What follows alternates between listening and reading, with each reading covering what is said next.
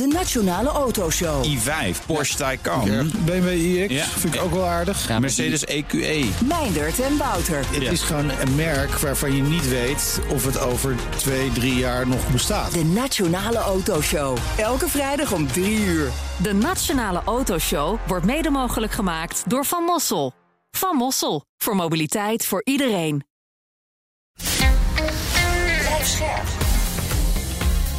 BNR Nieuwsradio. Boekenstein en de Wijk. Hugo Reitsma. Welkom bij Boekenstein en de Wijk. Het is maandag dag 691 van de oorlog in Oekraïne. Met eh, vandaag ook weer weinig beweging aan het front, maar wel veel speculatie over wat er aan zou kunnen komen. Hè? Ja, zeker als je dus eh, die Russische mulblogger een beetje eh, volgt. eh, die zitten op die Telegram-kanalen. daar wordt redelijk goed over bericht hoor, want het is allemaal Russisch. En mijn Russisch is nou niet al te goed om het maar eufemistisch te zeggen. Eh, maar die, ja, die zijn aan het speculeren van wat gaat er nou eigenlijk gebeuren. Nou, een van de, de belangrijkste mailbloggers die zegt nu ja...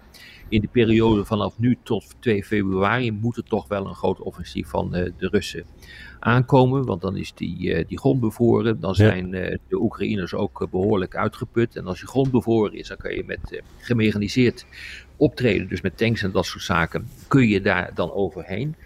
En dan zouden A- Avdiivka eh, en het gebied ten oosten van de Dnipro, die door de Oekraïners op dit ogenblik dan weer is terug eh, veroverd, die zouden dan weer kunnen veroveren. Hm.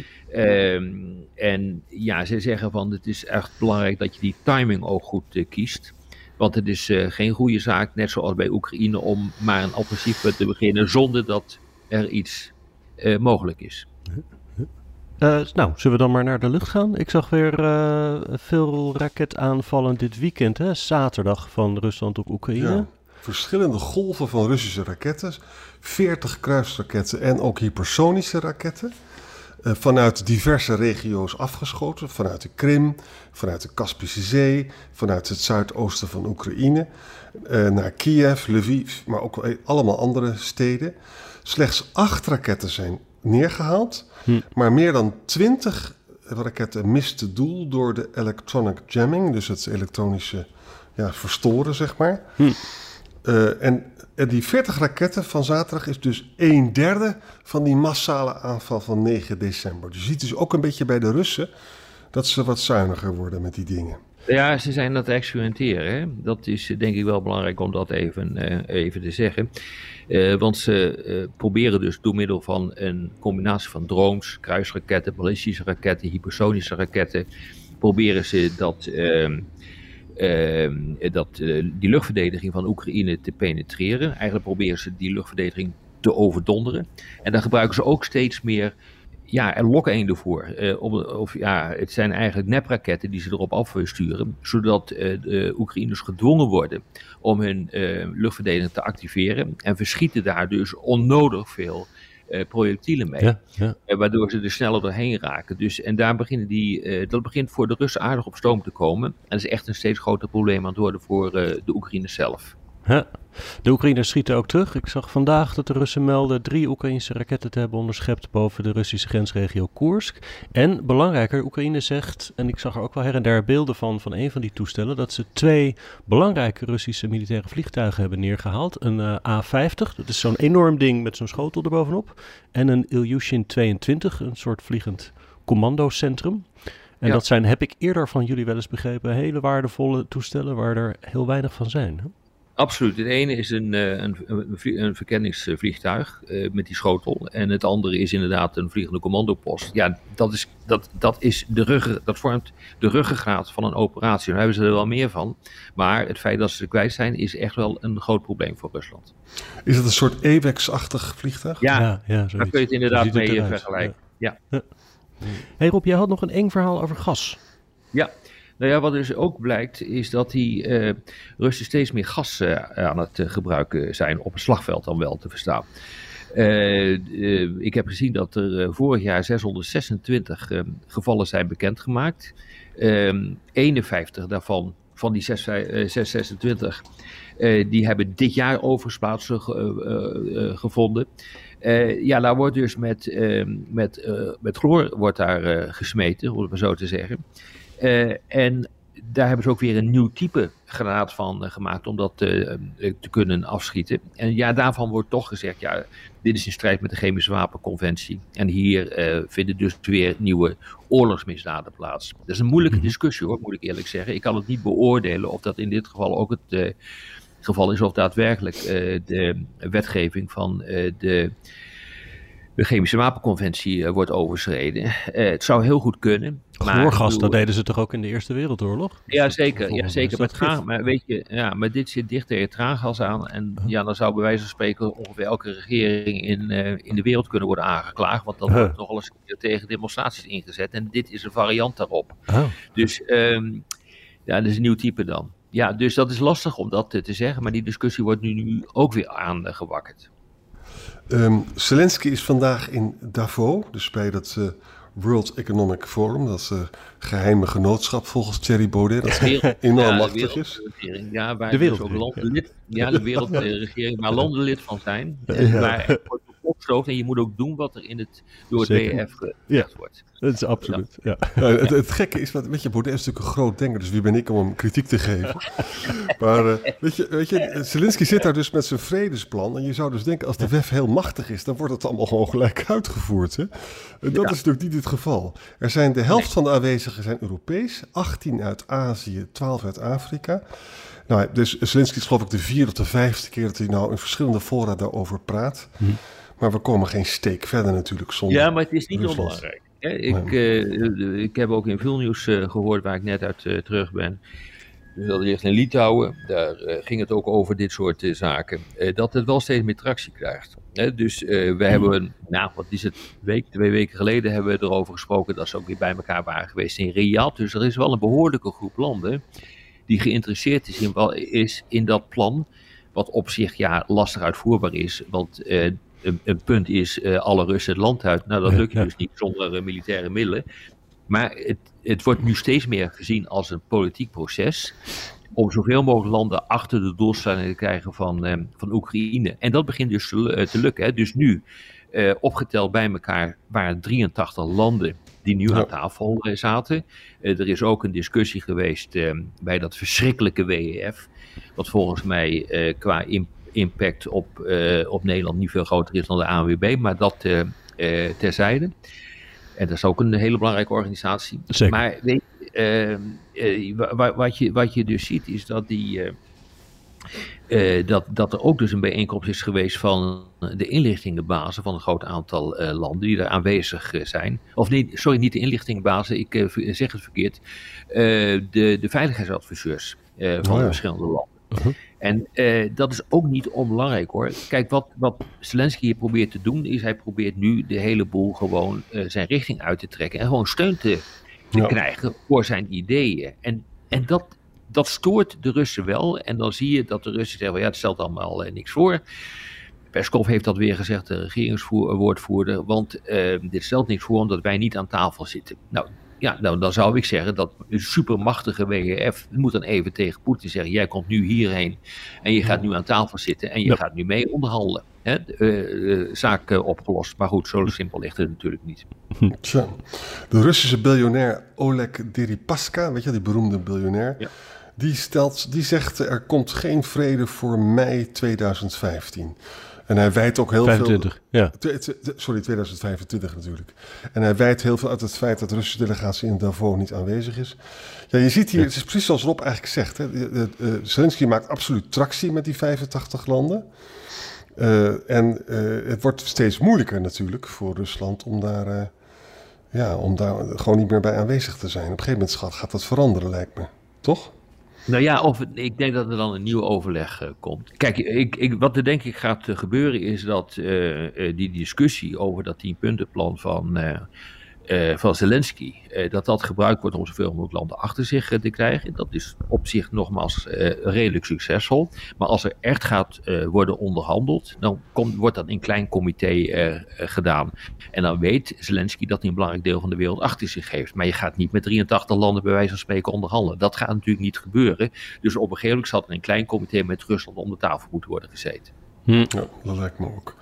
In de tussentijd uh, verzeggen Beerbok en Stefan Séjourné, de nieuwe minister van Buitenlandse Zaken, Ja. dat Frankrijk en Duitsland steunen Oekraïne zolang als het nodig is in Berlijn vandaag. En Lavrov ontvangt de Noord-Koreaans minister van Buitenlandse Zaken, Chok Son-yubi. Nou ja, over hulp gesproken. ehm, er is dus ook een nieuw partnerschap eh, gecreëerd, althans zo wordt het genoemd. Dat is natuurlijk niet echt, dat was het al tussen het Verenigd Koninkrijk en, eh, eh, en, en Oekraïne. Eh, er wordt 2,5 miljard eh, pond eh, per jaar wordt er nu in het vooruitzicht gesteld voor dit jaar. En dan, als het goed is, moet dat verder gaan. Dus meer dan tot nu toe gegeven is. Ehm, eh, dat is gedaan tijdens een bijeenkomst van Sunak aan, aan Kiev afgelopen dagen. Het interessante is dat Medvedev, eh, de oude president, onmiddellijk alweer roept eh, tegen eh, de Britten. Als je troepen gaat stationeren, dan is dat een oorlogsverklaring. Nou ja, volgens mij is daar helemaal geen reden voor om dat nu op dit ogenblik te zeggen. Want volgens mij hebben de Britten niet echt veel. niet, niet zoveel aandrang om daadwerkelijk troepen te gaan stationeren in Oekraïne. Maar goed, Het zijn wel duidelijke teksten hè, van Frankrijk, Duitsland, dus bij die persconferentie in Berlijn, en van de Britten, die anders dan inmiddels de Amerikanen zeggen, blijven zeggen, zolang als nodig is. Baerbock die zei, totdat Rusland zich heeft teruggetrokken van Oekraïns grondgebied, blijven we Ja. Oekraïne steunen. Ja, mooi gezegd. Nou ja, ik bedoel, kijk, dat zou je als politicus moet je dat soort dingen denk ik doen. Ik denk dat als ik minister was eh, van Buitenlandse Zaken zou zijn, dat ik ook zoiets zou roepen. Maar goed, ik bedoel, wij hebben een andere rol, dus wij weten, wij weten ook dat dat heel erg lastig zal zijn. Ja. En wij kijken gewoon naar eh, de militaire situatie en dan wordt het heel erg eh, lastig om tot in de oneindigheid hiermee door te gaan. Zeker. Maar Duitsland gaat dus wel zijn militaire hulp eh, verdubbelen. Hè? En dan is Duitsland dus verreweg de grootste eh, contribuant. En, en je merkt dus wel dat ze nu echt eh, rekening houden met het scenario dat Trump eh, in november eh, er zit. Mhm. Ja, maar er zal nog veel meer Ja. moeten gebeuren. Ja, Zullen we maar door naar Israël? Ja. Ja.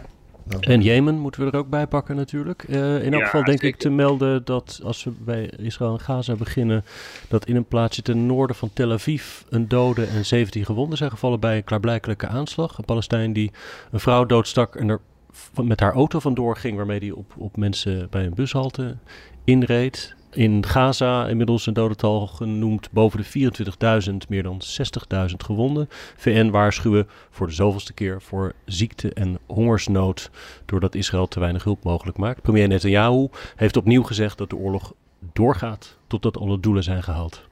Ja, Nou ja, dan hebben ze nog wel wat te doen. Want eh, als je dus even weer van noord naar zuid gaat, heel kort. Dan zie je dat de Israëlische strijdkrachten eh, bezig zijn met hun clearingoperaties. Het schoonvegen van, eh, van Hamas-strijders in het eh, noorden. Bij, eh, bij het Lahia en Al-Tatra. Eh, dat zijn kleine steden in het, helemaal in het uiterste noorden. Dan in het zuiden eh, gebeurt ongeveer hetzelfde. Eh, bij Maghazi, dat, eh, daar, wordt een, eh, daar wordt stevig gevochten. Dan praat echt helemaal in het midden van, van de Gaza, van de Gazastreep. En verder naar het zuiden kom je in Khan uit, waar we het vaak over hebben gehad. Daar gebeurt hetzelfde. Dus op drie plaatsen wordt er heel hard gevochten. En over het algemeen moet je zeggen dat de rest, daar gebeurt helemaal niks. Maar het hele noorden, dat wordt onder controle gehouden door, de, door de Israëlische strijdkrachten. Ja. En we hadden het net ook al even over de gijzelaars. Hè? Hamas geeft een video vrij van drie gijzelaars. En zegt dat het hun lot zal aankondigen binnenkort. Het is, het is een, iemand van 53, iemand van 38 en iemand van. Eh, even kijken, 26 geloof ik. 110 gijzelaars zijn vrij, 130 zitten er nog vast. Gisteren weer een enorme demonstratie in Tel Aviv. En wij hebben het al Van vaker... de familie van de gijzelaars, Ja, toch? Ja. Want gisteren was dus 100 dagen sinds 7 oktober. Ja. En we hebben het al eerder vastgesteld. De manier waarop Israël de oorlog voert... betekent eigenlijk dat de kans dat gijzelaars vrijkomen... er niet groter op is geworden natuurlijk. En dat, en dat leidt tot grote spanningen in de Israëlische samenleving... hebben we al eh, heel vaak vastgesteld. Ja, nou ja, het aard- aardige is, eh, Hugo, je zei net van gaat het over Israël hebben en dan moeten we het ook maar even over Jemen hebben. Maar ik denk dat we het vanaf nu eigenlijk over het hele theater gaan hebben. Dat betekent gewoon het Midden-Oosten in algemene zin. Uh, want iedereen roept uh, van geen escalatie en dat moet allemaal worden voorkomen. Maar die escalatie heeft natuurlijk gewoon plaatsgevonden toen de Amerikanen en de Britten zijn gaan bombarderen in Jemen. Ja. Uh, daar, ik ben ook nogal door wat collega's van jou gebeld, Hugo, die zeiden van zou er nu een escalatie komen? Ja, dan moet ik wel lachen. Dit is escalatie wat hier gebeurt. En hoeveel escalatie zou je nog willen hebben, behalve dat er op nog meer plaatsen gebombardeerd kan worden. dus het, het, het punt is natuurlijk dat Iran zich steeds meer manifesteert. Hè. Dat, dat zie je ook. Er komen steeds meer uh, verhalen uh, naar buiten hoe Iran bezig is om deze strijd naar zijn hand te zetten. Ehm, ze willen nog steeds niet dat er een openlijke oorlog komt waarbij ze betrokken zijn, maar die proxies, die strijdgroepen, die zetten ze wel verdomd handig in hoor. En dat zijn dus Hamas en Hezbollah en de Houthi-rebellen in Jemen. Ja. ja.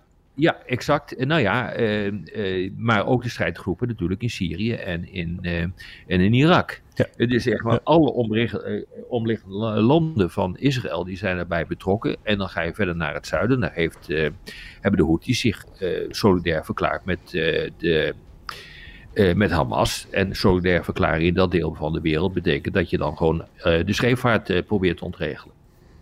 En weet je, ik, ik heb er veel over te lezen dit weekend. Hè? Deze twee aanvallen van de Amerikanen. Sommige mensen zeggen dat het drie zijn al. Die hebben slechts driekwart van de capaciteit. Uh, sorry, ja. driekwart van de capaciteit is nog intact. Hè? En dat zijn namelijk ja. mobiele installaties. Het is ongelooflijk moeilijk om dat uit te schakelen. En de Saoedi's hebben die jongens er ook niet onder gekregen. En de Houthis waren, waren steeds minder populair. En die worden nu weer populair door deze nieuwe acties. Hè? Dus met andere woorden, we moeten serieus rekening houden met het feit dat het gewoon doorgaat met die Houthis in de Rode Zee. Omdat ze gewoon een hele mooie asymmetrische strategie daar hebben. En dat de Amerikanen dat niet echt kunnen voorkomen. Huh? Nee, maar door wie worden ze nou eigenlijk echt uh, gesteund? Ik bedoel, het grote Saoedi-Arabië, dat uh, houdt niet van Houthis. Ja. Uh, een groot deel van Jemen, daar geldt hetzelfde voor. ze worden eigenlijk geen enkele regering in de omgeving in het Midden-Oosten, afgezien natuurlijk van, uh, uh, van, van Iran, die, die, die steunt ze echt.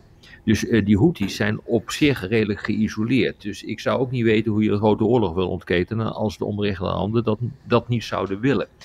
maar ja, je krijgt natuurlijk een kat-en-muisspel in die, rond die Rode Zee, waar zij waarschijnlijk door zullen gaan met Ja. het, eh, het aanvallen van schepen. En dan vervolgens krijgen ze weer bombardementen eh, om hun oren.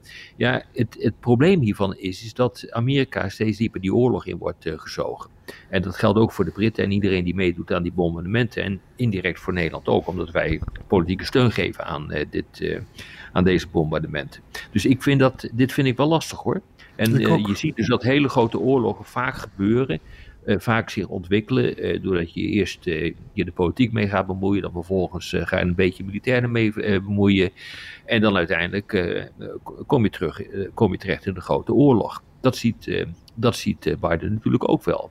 En dit is denk ik ook wel de bedoeling van Iran hoor, om de Amerikanen zoveel mogelijk bezig te houden in al die landen door de inzet van die proxies, zonder dat ze zelf in conflict komen met, met Amerika.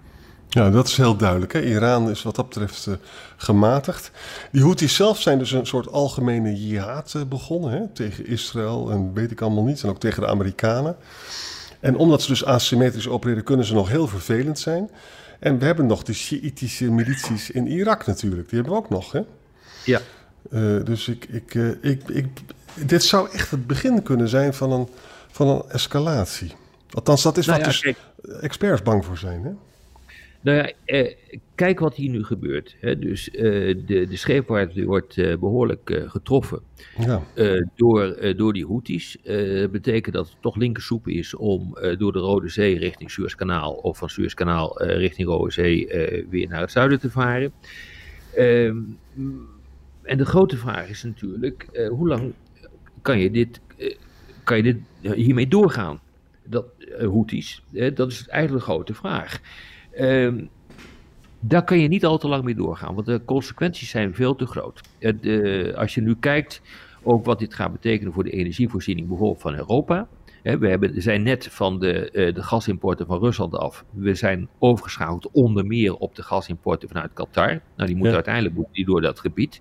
Dus um, uh, voor hetzelfde geld zit, je, zit de volgende energiecrisis eraan te komen. En dat is nou precies wat wij niet willen en dat is nou precies wat Iran wel wil. Uh, dus je ontkomt er niet, niet aan om die vaarroutes gewoon op een of andere manier open te houden. Het heeft ook gewoon te maken met het aloude adagium uh, wat uh, Hugo de Groot, Mare Liberum, het vrije gebruik van de zee, honderden jaren geleden al uh, heeft voorgesteld. En dat is gewoon een internationale afspraak dat dat het geval is. De Houthis staan absoluut niet in de recht om dat te doen. En dan komt het volgende. De Amerikanen en de Britten staan absoluut wel in het recht om te vergelden. En dat heeft groot te maken met het feit dat hun schepen worden aangevallen. En uh, dat je dit dus kan scharen onder het, uh, uh, onder het hoofdstuk van collectieve zelfverdediging. Volgens mij is het artikel 51 van het handvest van de Verenigde Naties. Nou, en dan kom je dus terecht in een situatie. En dat heeft weinig met een vredesoperatie te maken, maar dat is gewoon een oorlogshandeling. Hm. Ja, ja. Nou, we zullen zien hoe het gaat. Ze vallen nog geen olietankers aan. Dat doen ze niet. Nee. Ja. Nou ja, maar dan, dan is het wel belangrijk, hè, als je dus dit constateert dat daar dus ook een andere besluitvormingsprocedure in de Tweede Kamer aan de grondslag uh, ligt. Ja. Uh, dus Sunak, uh, de Britse premier, die heeft geautoriseerd zonder het parlement, zonder het parlement te raadplegen. Dat heeft Rutte ook gedaan, in, in principe. Nou, vervolgens begint iedereen over hem heen te vallen, van Kati Piri tot Gijs Tuinman tot, tot Veldkamp van Nieuw Sociaal Contract. Je zegt, ja, het had eigenlijk wel gemoet en dat dan misschien ook wel in het geheim moeten gebeuren. Dat kan natuurlijk. Hè. Er is een mogelijkheid om dat, om dat vertrouwelijk aan de Kamer mede te delen. Maar dit soort operaties, die vallen daar gewoon niet onder.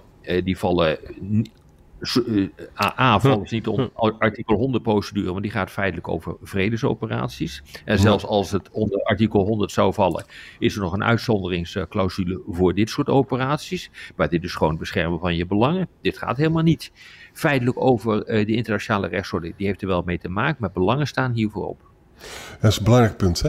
Artikel 100 gaat over vredesoperaties. Dat is dit natuurlijk pertinent niet. Overigens is het ook zo, zelfs bij artikel 100 is het geen verplichting van de regering om het te doen, maar een uh, vrijwilligheid. Hè? Nee, alleen als het tijdsurgent is, uh, dan hoeft het niet. En anders moet ja. het wel. Eh, precies, dat, zo, zo zit het precies. Nou, de geschiedenis hiervan is interessant, want weet je nog die chemische wapens in Syrië? En Obama heeft uiteindelijk besloten om niet die raketten af te schieten. En ook de Britten hebben dat uh, niet gedaan, omdat het Britse parlement gelijkbij kwam en het toen ook verboden heeft om het te doen. Ja. Nou, ja. Dus er is, hier, er is hier spanning met afschrikking natuurlijk. Hè. Je kan niet afschrikken als parlementen dat op, de, op het, gewoon op het laatste moment onmogelijk maken. Hm. Maar dit is gewoon, jongens, dit is geen vredesoperatie, maar dit is een vorm van oorlogsvoering. En nou kunnen dat, daar willen we iedere keer maar niet aan in dit land of in de westerse wereld, omdat we alles met een morele bril uh, bekijken. Ja. Maar op het moment dat er, er sprake is van oorlogsvoering, en ik kan niet anders zien dan dat als je tegen die Houthis optreedt, dat dat een vorm van oorlogsvoering is dan ben je bezig met het beschermen van je belangen. Het openhouden van uh, de vaarroutes over uh, zee. Uh, de vrije doorgaat van de handelsroutes, waarvan nu al 25% van de schepen om Zuid-Afrika gaat varen, omdat het te link is. Dus dat is echt op dit ogenblik een probleem. Dat kun je niet doen, en daar, dat is de fundamentele zwakte van een, van een democratie, door er eerst oeverloos met elkaar in de Tweede Kamer over te gaan ouwehoeren ja, of het wel nodig is of niet. Want dan maak je ook de plannen bekend aan de Houthis. Uh, want ook al doe je dat achter de schermen in de Tweede Kamer, in dit land lekt gewoon echt alles uit. en dan kunnen ze met al die mobiele systemen kunnen ze het zo herorganiseren dat niks meer te raken valt. Dus daar heb je ook niks aan. Ja, dat is heel duidelijk. Ja, ja. Hey, één puntje nog even kort. Uh, John en ik hadden het natuurlijk zaterdag over de verkiezingen in Taiwan. Nou, daar is inmiddels ja. een uitslag van. En ik zag eigenlijk met je twee verschillende reacties op de winst van de DPP. Hè, die is een wat onafhankelijker koers ten aanzien van China voorstaat. Er kwamen natuurlijk chagrijnige reacties uit Beijing. Sommigen zeggen, nou, dat viel dus mee. En anderen van nou, na een derde verkiezingsoverwinst op rij voor die partij uh, kan Beijing concluderen dat praten en druk uitoefenen niet voldoende werkt. En er dus ja. iets harders moet worden geprobeerd. Wat denken jullie? Nou ja, weet je, ik heb maar zitten lezen. Ik, ik praat maar na wat ik, uh, wat ik dan lees. En veel mensen zijn toch bang dat uh, in de komende zomer, als weer bij een nieuwe gelegenheid, dat China dan toch weer met die, met die vliegtuigen nare dingen gaat doen. Hè, wat ze al de hele tijd doen. Uh, het is, er is nu een soort dynastie aan het ontstaan. Dat is nog nooit gebeurd in Taiwan. Drie keer achter elkaar die Democratische Partij. En uh, ja, China kan niet meer terug. Die, die, die, gaat, die doet die vreselijke nare vliegbewegingen. En daar zullen ze zeker mee doorgaan, denk ik. Ja, maar goed, ik bedoel, aan de andere kant, uh, zolang uh, Taiwan de onafhankelijkheid niet verklaart, om het maar zo te zeggen, dan zal er ook waarschijnlijk weinig gebeuren. Dan zal die druk wel hoog blijven. Maar volgens mij is het niet zo dat er dan een directe aanleiding is voor China om daadwerkelijk in te grijpen. Want dan moet er, ja, dan moet er een actie komen van de Taiwanese kant. En ik zie op dit ogenblik niet goed in hoe dat zou kunnen. En je hebt ook gelijk dat die, en die Democratische Partij die, die respecteert dus ook de status quo. Hè? Ja, het is status quo respecteren. Ja, ja, dus ja dan is er dus geen reden om aan te vallen. Ja, dus je zou dus kunnen hopen dat het misschien goed gaat. En dat we zelfs een blokkade kunnen uh, vermijden. Maar ja, we zullen zien. Nou ja, ik zou niet weten waarom China dat zou willen doen op dit ogenblik. Omdat um, uh, je toch moet constateren dat ze zelf ook in de problemen zitten. Ze, misschien zouden ze kunnen bedenken dat er een kans nu is, nu Amerika verzwakt wordt in uh, zowel Europa als in het Midden-Oosten. Althans, dat zou de perceptie kunnen zijn. Of dat zo is, dat kun je absoluut nog niet, niet zo zeggen.